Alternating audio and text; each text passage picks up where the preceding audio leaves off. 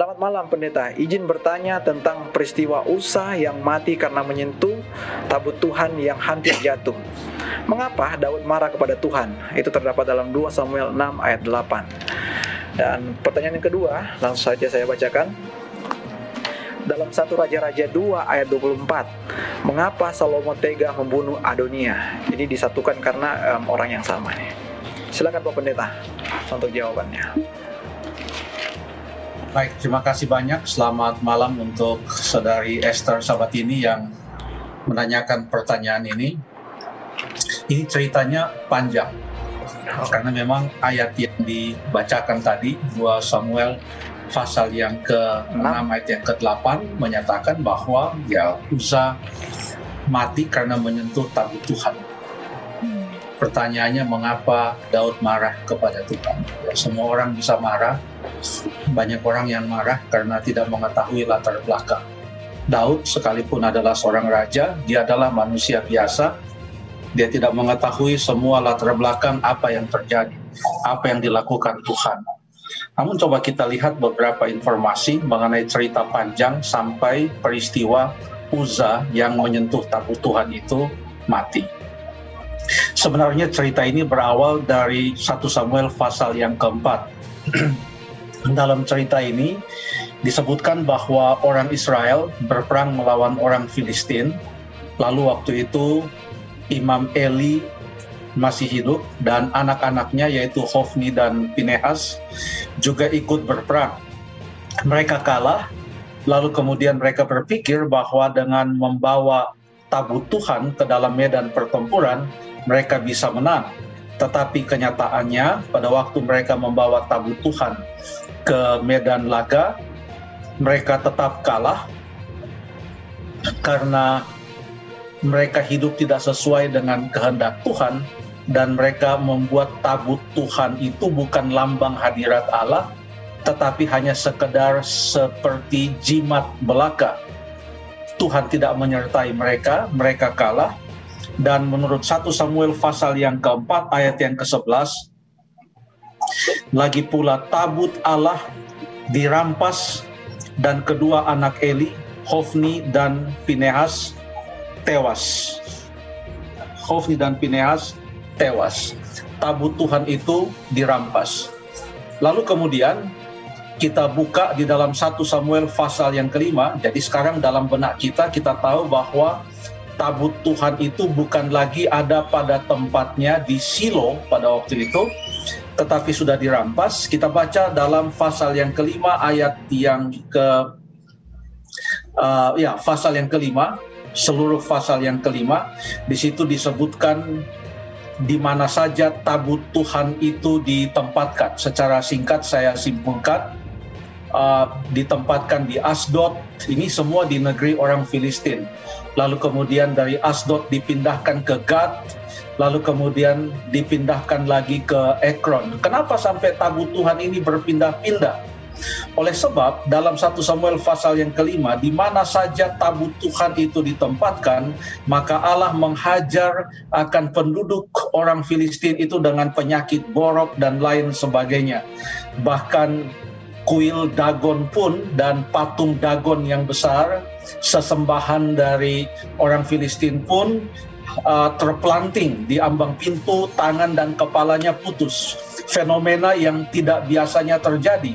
Tetapi mereka mengambil keputusan ini adalah karena ada tabut Allah orang Israel yang ada di negeri mereka. Lalu dalam 1 Samuel pasal yang ke-6 ayat yang pertama mengatakan sesudah tujuh bulan lamanya tabut Tuhan itu ada di daerah orang Filistin maka orang Filistin memanggil para imam mereka dan para petenung lalu bertanya apa yang harus dilakukan sebab hanya celaka yang mereka dapatkan. Lalu kemudian mereka mendapatkan usulan bahwa tabut itu harus dikembalikan. Bayangkan, tujuh bulan lamanya tabut itu tidak ada di Israel tapi ada di Filistin. Lalu kemudian tabut itu dikembalikan ke Israel. Pertama-tama dibawa ke Bet Semes, Tetapi orang-orang Bet Semes itu ceroboh terhadap tabut Tuhan dan tabut Tuhan itu justru mendatangkan celaka kepada mereka. Ini ceritanya cukup menarik.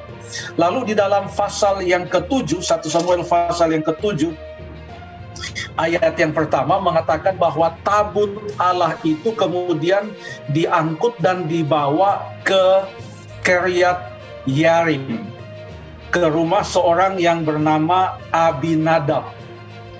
Lalu kemudian anak Abinadab yang namanya Eliezer dikuduskan, dikhususkan untuk menjaga tabut itu. Demikian kata 1 Samuel 7 ayat yang pertama. Berapa tahun tabut itu ada di rumah Abinadab? Kita baca ayat yang kedua, Sejak saat tabut itu tinggal di Kiryat Yarim, berlalulah waktu yang cukup lama, yakni 20 tahun. Bayangkan, di rumah Abinadab, cukup lama tabut itu berada 20 tahun. Menurut catatan Alkitab dalam kitab kejadian, 20 tahun itu sama dengan waktu yang dibutuhkan oleh Yakub bekerja pada Laban. Sejak ia tiba, lalu kemudian dia kembali dengan keluarga besarnya. 20 tahun cukup lama. Lalu setelah Daud menjadi raja, ini setelah 20 tahun berselang, dia bermaksud untuk memindahkan tabut Allah itu dari rumah Abinadab ke Yerusalem pada tempat yang Daud sudah sediakan. Ya. Kita baca di dalam 2 Samuel pasal yang ke-6 ayat yang ketiga 2 Samuel pasal yang ke-6 ayat yang ketiga, mereka menaikkan tabut Allah itu ke dalam kereta yang baru setelah mengangkatnya dari rumah Abinadab yang di atas bukit. Lalu Uza dan Ahio, anak-anak Abinadab, mengantarkan kereta itu. 20 tahun lamanya tabut itu ada di rumah Abinadab dan waktu tabut itu baru datang ke sana yang disebutkan anak Abinadab ada satu yaitu Eliezer. 20 tahun kemudian ada tambah lagi dua anak Abinadab, sekarang disebut namanya Uza dan Ahio, orang-orang muda. Demikianlah ceritanya, Ahio dan Uza ini menemani atau mendampingi atau menyertai uh, tabut uh, Tuhan itu yang diantarkan dengan uh, kereta. Lalu ayat yang ke-8 itulah pertanyaan kita. Saat lembu itu tergelincir, Uza memegang tabut itu, lalu Tuhan membunuh dia. Menurut ayat yang ke-6, ayat yang ke-8, Daud marah. Mengapa?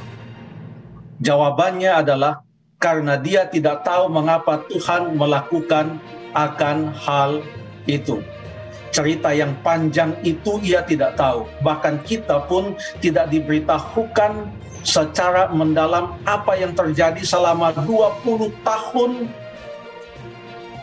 peti perjanjian atau tabut Allah itu ada di rumah Abinadab. Kemungkinan walaupun tidak dituliskan secara uh, jelas atau gamblang, kemungkinan karena 20 tahun waktu yang cukup lama, Uzat telah menganggap tabut Tuhan itu sebagai hal yang biasa yang ada di rumahnya. Bahkan mungkin ia menganggap itu adalah miliknya. Apa pun itu alasannya, Allah telah melakukan suatu hal yang sangat adil dan Daud tidak mengetahuinya. Makanya ia marah. Apa pelajarannya bagi kita?